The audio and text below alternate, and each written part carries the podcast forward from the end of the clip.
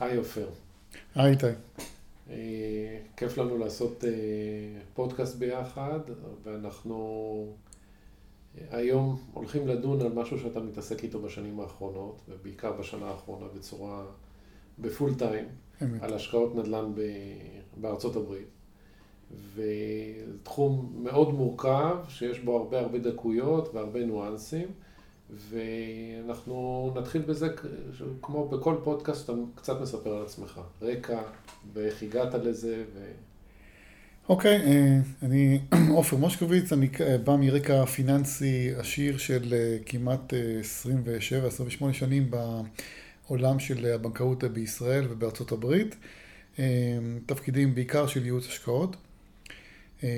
במסגרת השנים האלה, במסגרת התפקידים האלה, למדתי הרבה מאוד ניהול סיכונים ואיך לשמר כספים של לקוחות על ידי פיזור השקעות ואת כל הידע הזה, שהוא יושם השנים רבות בעולם הפיננסי, אני כרגע מיישם אותו על ידי פיזור השקעות ועל ידי בקרת סיכונים בעולם הנדל"ן, העולם החדש. אז בוא נתחיל בלהבין מה, מה הדברים הראשונים ש, שצריך לדעת לאנשים שמעוניינים להגיע לתחום הזה של השקעות נדל"ן. רואים המון המון המון פרסומות, המון, ויש יש כמה כללים. בוא, בוא נתחיל בהתחלה. הכלל הראשון, החשוב ביותר, הוא לא להאמין לתשואות מובטחות, מכיוון שכמו בשוק ההון, כך גם בשוק הנדל"ן, אין תשואה מובטחת, מה שקובע זה החיים האמיתיים. אפשר להקטין את הסיכון, אפשר לגדר את הסיכון, אי אפשר למנוע אותו לחלוטין. הפעולות שאנחנו עושים הן פעולות מקיפות שמתחילות בבדיקת הנכס, בדיקת הדיירים, ניתוח כל סוגי הסיכונים האפשריים ובקרה. אבל אנחנו לעולם לא יכולים למנוע את הסיכונים לגמרי, ולכן אותם גופים שמדברים על תשואה מובטחת, לי יש בעיה אישית קשה אה, עם הנקודה הזאת, כי זה בעצם אה, להסתיר בדרך אחת ולגלות בדרך אחרת. זה לא, זה לא שקיפות אז, מלאה. אז אני מעדיף שקיפות מלאה. מגיעים, נלך צעד אחורה. למה שמשקיע ישראלי בכלל יחשוף את עצמו לשוק זר גדול שהוא... אין, אין לו יכולת להבין את רמת הסיכון. אז התחלנו בנושא של הסיכונים, כיוון שהסיכונים זה, זה החיים האמיתיים. אבל לצד הסיכונים יש גם סיכויים לא מעטים. הסיכויים הם רבים מכיוון שבארצות הברית החוקים הם מיטיבים, הם לטובת בעלי נכסים, התשואות הן גבוהות, המחירים הם נמוכים, וניתן לבצע בקרה מדויקת ורציפה החל מתהליך הקנייה, דרך תהליך הניהול ועד תהליך המכירה. כלומר, כל הסביבה הפיננסית, העסקית, היא סביבה שמאוד תומכת במשקיעים, מכיוון שהתשואות גבוהות והמחירים הם נמוכים, והשקיפות היא מוחלטת. כאשר אנחנו קונים נכס, אנחנו מיד רואים את הרישום בטאבו, אנחנו יכולים לשלוח אינספקטור שאומר את מצבו מלמעלה עד למטה. מה זה אינספקטור? אינספקטור זה בעצם בודק נכס, יש לו רישיון, והתפקיד שלו זה לבדוק את המצב הפיזי של הנכס, החל מעליית הגג, הפוך, החל מהמרתף עד לעליית הגג. זה אומר שהוא זוחל במקומות שקבלנים לא מגיעים בכלל, מאחר ויש לו רגולציה, הוא מורשה, הוא חייב לתת דוח עם אמות מידה מסוימות. יש גם בתוך אמות המידה האלה, יש כמה סוגים של אמות מידה. אני תמיד עובד עם אה, רישיון שנקרא ASHI regulated. ASHI regulated זה רגולציה גבוהה יותר, מחמירה יותר, מכיוון שאז אני נמצא במצב שאני שקט ואני יודע שהנכס אה, נבדק בצורה המקצועית ביותר. כשאתה מדבר על רגולציה של, של מי?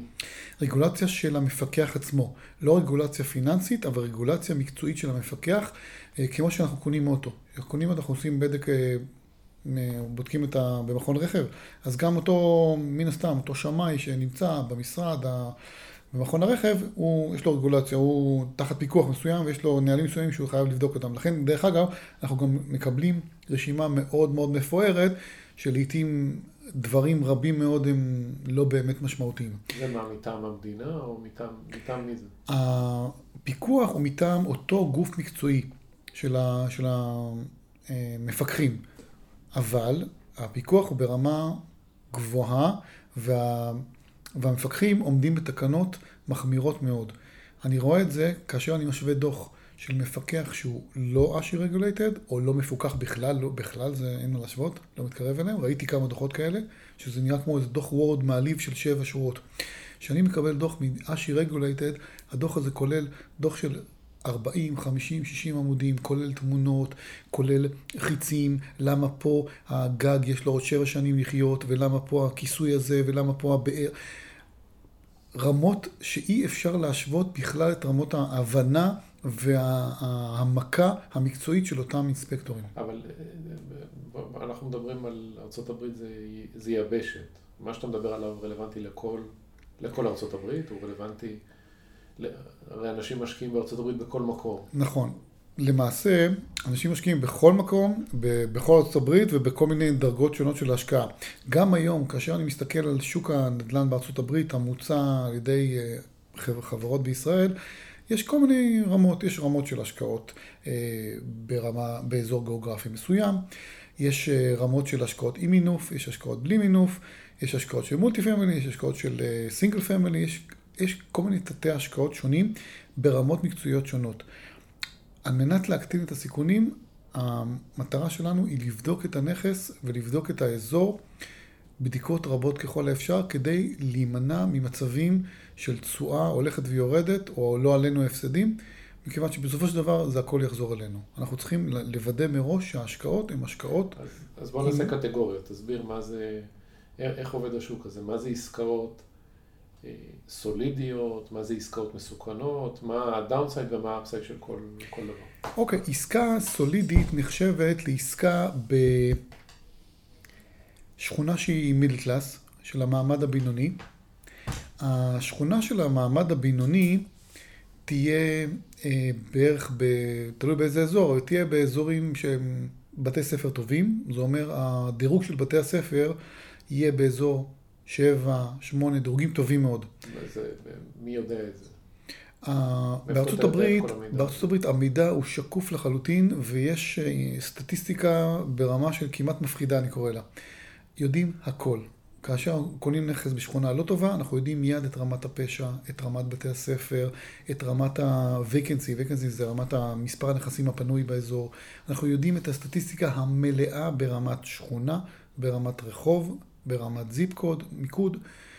האמריקאים פשוט מאוד מאוד מקפידים על נושא הסטטיסטיקה, ולכן המידע הוא מידע מלא, נגיש, ותוך 11 דקות אנחנו יודעים לנדח עסקה, האם העסקה היא סולידית או לא סולידית. זה מידע שפתוחה לכל הציבור? כן, אומרת, כן. אתה נכנס פשוט לאתר צריך לדעת, צריך לדעת, בדיוק כך, צריך לדעת בדיוק איפה להסתכל. אם אתה רוצה לדעת מידע על נכס מסוים, אתה יכול להסתכל בכתובת של המחוז, בקאונטי, רקורד, ואתה יכול לראות את כל הטרנזקציות, האם באיזה מחיר הוא נקנה, באיזה מחיר הוא, אה, האם יש לו משכנתה, אה, מי הבעלים. אתה יכול לדעת את כל ההיסטוריה של הנכס, כולל אה, הרחבות, בנייה, אישורים, מידע מדהים, מידע מאוד מאוד רחב. אוקיי, אז עכשיו... שאלת לגבי סולידי, אני רוצה רגע לחזור לסולידי. מה, מה, איזה סוג עסקה, מה זה עסקה, מה, מה ניתן איך ניתן לאפיין את סוגי ההשקעות בתחום הנדל"ן שלו? אוקיי, אז אני שוב ניגע בנושא הסולידי. עסקה סולידית היא עסקה של מעמד בינוני, כמו שאמרנו, בתי ספר טובים. אה, עסקה שמדברת על תשואה של כ-6-7 אחוז, אה, והמחיר תלוי באזור. יש אזורים שניתן לקנות כזה, כזה בית ב-100 אלף דולר, ויש אזורים שקונים כזה בית ב-300 אלף דולר. זה מאוד משנה. אבל מה שחשוב זה התשואה. התשואה היא פחות או יותר באזורים טובים, אה, עסקה סולידית, 6-7 אחוז. עסקה סולידית ביותר, ביותר נחשבת עסקה ללא מינוף. כלומר 6-7 אחוז על ההון העצמי. כל מה שאני אומר זה ללא מינוף. ואז אה, מה, מה יכול לצפות אה, משקיע מבחינת downside של דברים כאלה? בשכונה כזאת, מה שניתן לצפות... תן לי דוגמה של עיר שאתה מדבר על מעמד ביניים ו... על מה אנחנו מדברים? אטלנטה, אטלנטה יש הרבה מאוד שכונות שהן טובות יותר, טובות פחות, אבל השכונות הטובות של אטלנטה בהחלט אה, ניתן להצביע על הרבה מאוד שכונות שהן בדיוק עונות לקריטריונים האלה, שניתן לקלוט ב-150 אלף דולר, לקבל תשואה של 7 אחוז, אה, וזה נחשבת השקעה סולידית לחלוטין. אוקיי, okay, אז מה, מה קורה במצב של אה, משבר בכלכלת ארה"ב לנכסים האלה? אז פה... ללא מינוף. פה בעצם נכנסת התנודתיות. כאשר אנחנו קונים במעמד הבינוני, אנחנו נתונים יותר לחסדי השוק מבחינת התנודות של מחיר הנכס. זה אומר שאם קנינו לצורך העניין במקרה הקיצוני ב-2005, בשיא ההייפ, במחיר גבוה, ורצינו למכור לאחר שנתיים, אחרי המשבר, מן הסתם הפסדנו 50%, אבל כדי להפסיד 50%, זה אומר שבאמת מימשנו בהפסד. לעומת זאת, אם היינו מספיק סבלנים לחכות בסך הכל שנתיים, אז היינו מקבלים חזרה את כל העלייה. אז נכון שיש יותר תנודתיות, אבל אה, מצד שני, יש גם יותר אה, סיכוי לעליית ערך באותם אזורים. כלומר, האזורים של התנודתיות הם פועלים משני הכיוונים. המעמד הבינוני יכול לעלות יותר, ולראיה בשנים האחרונות הוא עלה בעשרות אחוזים, ולעומת זאת, הוא גם יכול לרדת כאשר יש ירידות. אז, אז משקיע שמסתכל על אה, אין סוף אפשרויות השקעה בארצות הברית, הרי יש עשרות מדינות עם אה, אין סוף ערים באותן מדינות, איך, איך, איך מתמודדים עם כמות הדאטה הזה כדי בכלל להגיע למקום של לדעת שארצות הברית ברמת המקרו מעניינת, ואז איך אתה בוחר איזה מדינה ואיפה okay. אוקיי. להתרכז. אז אני אענה לך. למעשה, הדרך שלי להתמודד עם הדבר הזה היא לבחור את אותם אזורים שהתנודתיות במחיר הנכס היא יחסית נמוכה. כלומר, אני מראש מוותר על עליית ערך משמעותית, אני מסתפק בעליית ערך חד ספרתית נמוכה שבין 3 ל-5 אחוז, אבל אני מראש גם בוחר אזורים שהם נחשבים של המעמד הנמוך. או יותר נכון, אם נדייק, המעמד הנמוך בינוני. כמו שיש בסטייק low, middle, בין, בין הכי נמוך לבינוני, מיד לואו. אז אותו דבר יש גם בהשקעות נדל"ן בארצות הברית, אה, יש מיד לואו, וזאת הנישה שבה אני אוהב לעבוד. למשל, יוקליד בקליבלנד, אה, סליחה, יוקליד באוהיו, שזה עיר סמוכה לקליבלנד, היא בדיוק עונה על הקריטריון הזה. רמת פשע מאוד מאוד נמוכה. אזורים של בתים שמחירי הנכסים באזור 60 אלף דולר, והתשואות הן בין 9 ל-10 אחוז נטו לאחר כל ההוצאות. כלומר, המחירי הנכסים האלה צפויים להיות בתנודתיות נמוכה יחסית, מכיוון שלא קונים אותם ב-100, 150, 200 אלף דולר, אבל מצד שני הם גם לא ירדו לאזור ה-20 אלף דולר, מכיוון שהם נכסים יציבים, עם ביקוש גבוה לשכירות, רמת פשע נמוכה, ולכן אלה האזורים שבהם אני מעדיף להשקיע. ומה קורה בארצות הברית במקומות אחרים? איפה אנחנו נמצאים בסייקל? מבחינת הסייקל של מחירי הנדל"ן, השוק הנדל"ן כרגע בארצות הברית נמצא באחד המחירים היותר גבוהים שלו. אנחנו נמצאים ברמות מחירים שכבר מתקרבות למחירי בועה של 2000 המפורסמת, 2004, 2005, 2006. עדיין לא הגענו לשיאים האלה, אבל בהחלט בנקודות מסוימות בארצות הברית המחירים הם מאוד מאוד גבוהים. ולכן מי שחושב להשקיע אה, באזורים של מידל קלאס, צריך לקחת את זה בחשבון, שהתנועה כלפי מעלה כבר עשתה לא מעט דרך, ולכן יש גם סיכון לתנועה הפוכה למטה, ובוודאי ובוודאי שאנחנו מדברים על מינוף, שהמינופים כמובן אה, מחזקים את התנועה הזאת, מכיוון שיש פה זכורית מגדלת. ככל שאנחנו נשקיע עם מינוף, רמת הסיכון והסיכוי שלנו גבוהה יותר, ולכן דווקא באותם אזורים שעלו הרבה, אנחנו צריכים מאוד מאוד להיזהר ולבחון את ההשקעות שלנו. הדרך השנייה שבה אני מסתכל על הדברים, זה לא רק בנושא של המינוף, אלא גם איך, איך אני בעצם אה, בודק את ההשקעות אה, ברמת, ה, ברמת הנכס. כשאני בודק נכס, אני יודע שהנכס נמצא אחרי אינספקשן כאמור, אחרי, אחרי בדיקה, ולכן אני יודע שיהיה לו שקט של כמה שנים, הוא לאחר שיפוץ. זה חשוב, השקט הזה. ומי דואג ל... לתפעול שלו? התפעול מבוצע על ידי, בדרך כלל, חברת ניהול שמבצעת את התפעול בשטח וגובה על זה עשרה אחוז מהרנט החודשי, משכר הדירה החודשי. אני באופן אישי אה, זיהיתי דרך נוספת שבה אני ממנה אדם שהוא מאוד מאוד אמין ומוכר בעיניי אה, והוא זה שעושה את כל הבדיקות האלה, הוא זה שמנהל את הנכס עבורי, הוא זה שגובה את שכר הדירה. אם צריך לבצע תיקונים, הוא מגיע לנכס, הוא גם נמצא עם אנשי החזקה. והיתרון בדבר הזה, שהאדם הזה אמין. אחד הדברים החשובים ביותר בשוק הזה, מכיוון שאנחנו פה והאנשים שם, זה לעבוד עם אנשים אמינים. כלומר, הריליישנשיפ... אבל אמינות זה משהו שאתה יודע טוב מטבע הדברים בדיעבד.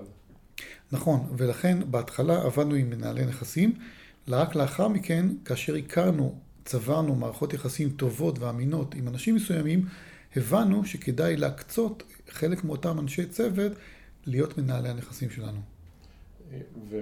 ואיפה מתחילה רמת הביטחון של משקיע שניגש לזה מבחינת אה, כספים שהוא מעביר לצד ג', אה, הוא קונה נכס, איך הוא יודע אה, מה הוא קיבל, איפה זה רשום, שמענו על הרבה עוקצים בתחומים האלה. שאלה מעולה. למעשה, אחד הדברים החשובים בארצות הברית זה השקיפות והיכולת לקנות את הנכס בשקט מוחלט.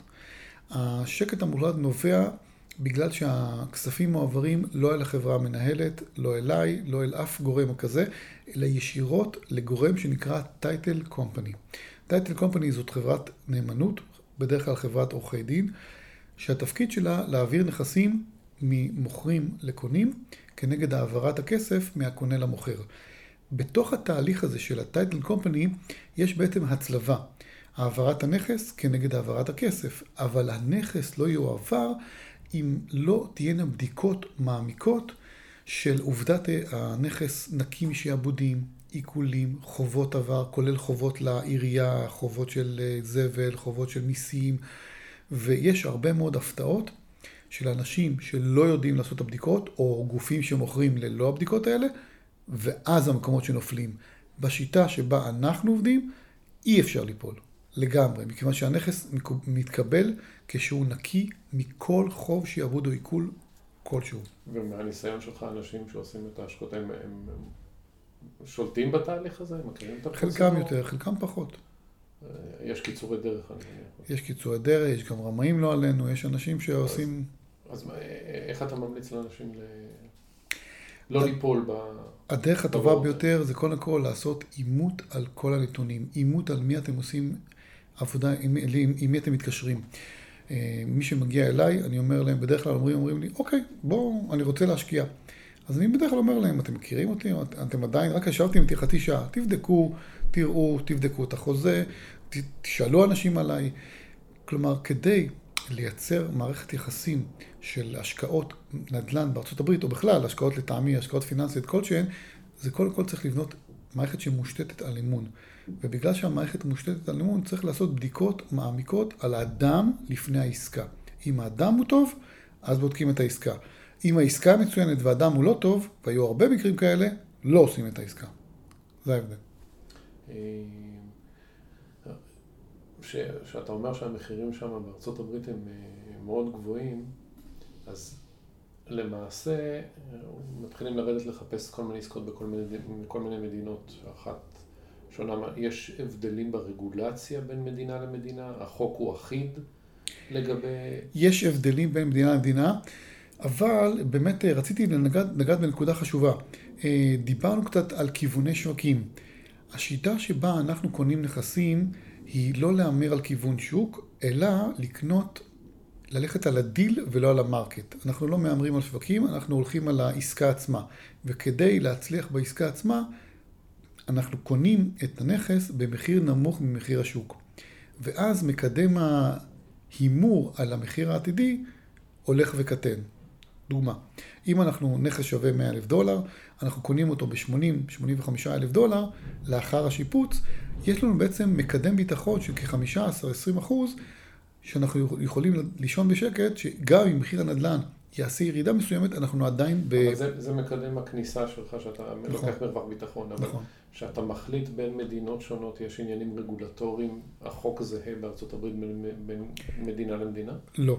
יש מדינות מחמירות יותר, יש מדינות מחמירות פחות, יש מדינות שנעזרות בעורכי דין, יש מדינות שנעזרות בטייטל קומפני, יש כל מיני ניואנסים קטנים בתוך ארצות הברית. אז מהניסיון שלך, מה זה מדינה ידידותית למשקיעים חיצוניים לעומת מדינה... פחות ידידותית. אני יכול לומר מהניסיון שלי שהמדינות הידידותיות אה, במזרח, אוהיו היא מדינה ידידותית למשקיעים. אה, יש גם היבטים מיסויים שאני לא רוצה להיכנס אליהם כרגע, אבל יש גם ידידותיות בנושא הזה של המיסוי. אה, אוהיו מדינה ידידותית בהחלט. ג'ורג'יה גם כן, אפשר לומר שהיא ידידותית. פלורידה, טנסי, איפה, איפה הניסיון שלך שמדינות שהן, יש בעיות איתן? זאת אומרת, בהיבטים. המשפטיים, הידידות ל... לשמחתי לא עשיתי עדיין עסקאות במדינות האלה, מכיוון שמראש אה, לימדו אותי לא להיכנס עם ראש בריא למתח עולה. אז מה ידוע בשוק הזה כמקומות יותר בעייתיים? אה, החוף המערבי, שלא עבדתי בו מעולם, שמעתי דברים שבחוף המערבי יש בדיוק בעייתיות בחוקים האלה. אה, בוא נדבר קצת על ההיבט של משקיעים ישראלים שמשקיעים ב... בארצות הברית עם כל ענייני הרגולציה שהיום, והעברות כספים, והלבנות הון, ו... מה המשקיע צריך להכין את עצמו לפרוצדורה, בשלב של הפרוצדורה להשקעה בלתי תלוי בנכס. למעשה, משקיע צריך לדעת כמה דברים. הדבר הראשון שהוא צריך לדעת שיש חובת דיווח כפול גם לארצות הברית וגם לישראל. חשוב מאוד. אמנם יש אמנת אי כפל מס, שהמשמעות שלה שגם אם נשלם מס ברמה של כמה אחוזים בארצות הברית, אנחנו נשלים את המס הזה למס הישראלי, מכיוון שחובת הדיווח שלנו, אנחנו מס, מס אה, פרסונלי, פרסונלי שנובע לפי חוקי מדינת ישראל. אה, זה בכל מה שנוגע להיבטי המס. בכל מה שנוגע להעברות, אה, בספטמבר 2017 יצא חוזר מהאוצר שמקל על העברות כספים מהבנקים הרגילים. עד כה הבנקים נהגו לגבות 30% מס במקור על כל העברה, או לחילופין, לבקש מהמשקיע להביא פטור מניכוי מס במקור. בספטמבר 2017 יצא חוזר שאומר שכנגד השקעה בנדל"ן, מותר להעביר כספים לארצות הברית רק כנגד הצהרת המשקיע. זאת התקדמות, מכיוון שאני מניח שזה נבע מכמות הבלתי נגמרת שמס הכנסה קיבל אנשים לפתחו. אבל זה בהחלט מקדם את הנושא. גם ללא זה יש חברות מסוימות שנוהגות לעשות פעולה כפולה של העברת שקלים, קניית השקלים, קניית הדולרים, סליחה, משקלים, והעברת הדולרים לארצות הברית. ויש שתי חברות כאלה לפחות שאנחנו מכירים, והחברות האלה נותנות את השירות האלה של העברת כספים שלא מהבנק, אלא העברת כספים מאותן חברות. הן בעצם עושות את הפעולה הכפולה הזאת. אז זה גם סוג של פתרון. המשקיעים בעצם צריכים לדעת שהם יכולים להעביר כספים, נכון להיום, בקלות רבה, גם מחשבון הבנק שלהם. עכשיו מבחינת הסטטוס שלהם בארצות הברית, הם למעשה חושפים את עצמם עכשיו בשוק האמריקאי לרשויות. מה, מה למעשה, מה זה התהליך הזה? אה, זאת נקודה חשובה מאוד. כרגע אנחנו מדברים על חשיפה עיקרית של חשיפה למס ירושה. בארצות הברית יש אה, פטור ל... אנשים שהם לא תושבי ארה"ב עד 60 אלף דולר, ולכן אם אדם קונה נכס אחד על שמו אה, בסדר גודל של עד 60 אלף דולר, מן הסתם זאת לא חשיפה. או לפחות בכל הנוגע לנכס הזה. צריך לזכור שהחשיפה למס ירושה כוללת את כל נכסי הלקוח באשר הם שהם רשומים בארצות הברית, כולל נכסים פיננסיים. אבל בכל, בכל מה שנוגע למס ירושה, צריך לדעת ש... יש חשיפה למס ירושה וצריך להתייעץ עם רואה חשבון אמריקאי וגם ישראלי כדי להגן על, על, על המשקיעים. זה אומר שיש אפשרות לעשות... אה, אבל מה החשיפה באופן כללי מעל 60 אלף דולר? החשיפה היא כי כזו... כי אנשים כל הזמן שומעים על רפורמות של אה, טראמפ ושהורדת המיסים, האם זה נוגע למשקיע ישראלי בדברים האלה? זה יכול לגעת, אבל כל עוד זה לא פורסם, אז אין טעם לדבר על זה, זה... אם זה יקרה, זה יהיה מצוין. כרגע זה עוד לא קרה, אז בואו נדבר על המצב הקיים. המצב הקיים הוא שכל השקעה מעל 60 אלף דולר חשופה למס ירושה, וזה אומר מס ירושה יכול להיות מס מאוד מאוד אגרסיבי, 40-50 אחוז, יכול להיות מס מאוד מאוד משמעותי. מהקרן. יש כל מיני דרכים לעקוף את זה, לא ניכנס אליהם כרגע, אבל זאת סוגיה שהמשקיע צריך לתת עליו את הדעת. אבל לפני, לפני מס ירושה, יש גם דיווחים שאתה חייב לרשויות האמריקאיות באופן ישיר. נכון. שמה הם? החבות היא להגיש פעם אחת בשנה דוח, אם למשל אדם קונה נכס על שמו. אמ, ודרך אגב, לפעמים כדאי לחשוב על אם יש בני זוג ביחד לקנות, זה גם יכול אה, בנושא של מס ירושה אולי לעזור, אבל שוב, לא ניכנס לזה.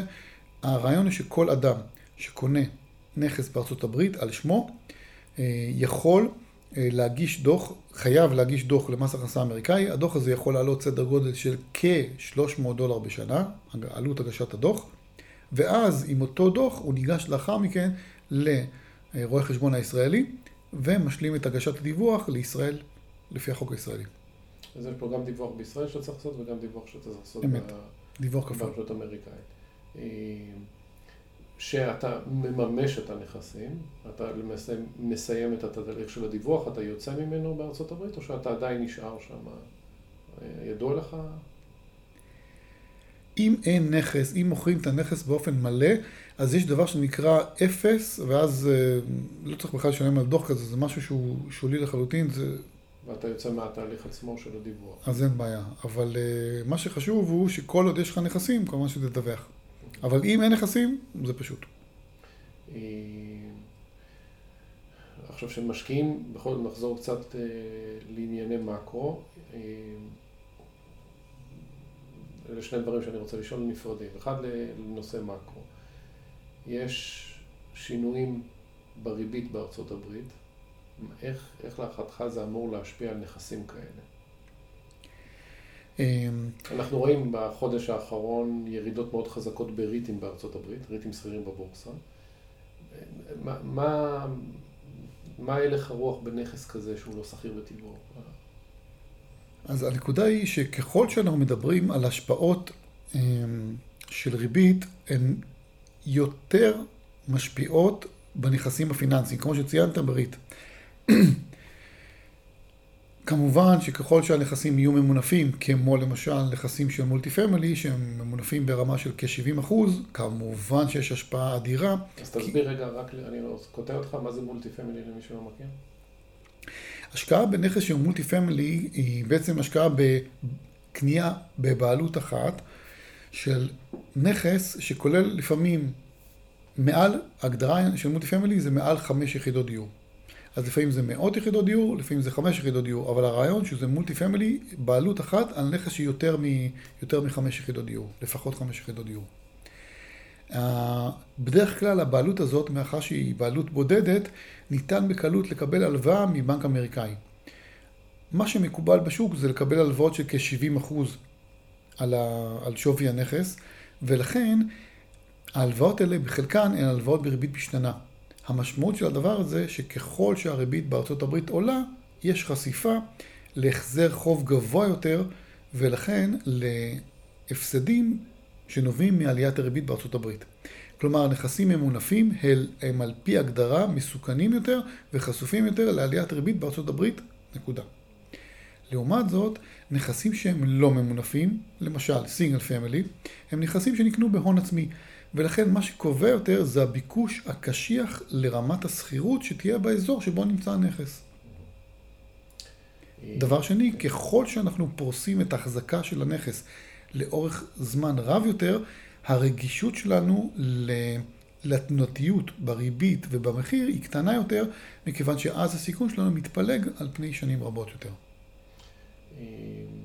נגענו בהרבה דברים, דבר אחרון שבו אני רוצה לסיים זה אם אתה, אנחנו רואים בשנים האחרונות לאט לאט שיש פלטפורמות למסחר בנושא של הלוואות צרכנים היום, שזה כבר בסכומים של מאות מיליארדי דולרים. והלוואות ל bridge finance לתחומים בארצות הברית. מתחיל, אתה מתחיל לראות שגם המסחר עצמו בנכסים כאלה הוא גם מתחיל להיות דיגיטלי? או שעדיין זה נעשה בדרכים המסורתיות של אה, קשר אישי? זאת אומרת, הפינטק לא מגיע לתחום הזה?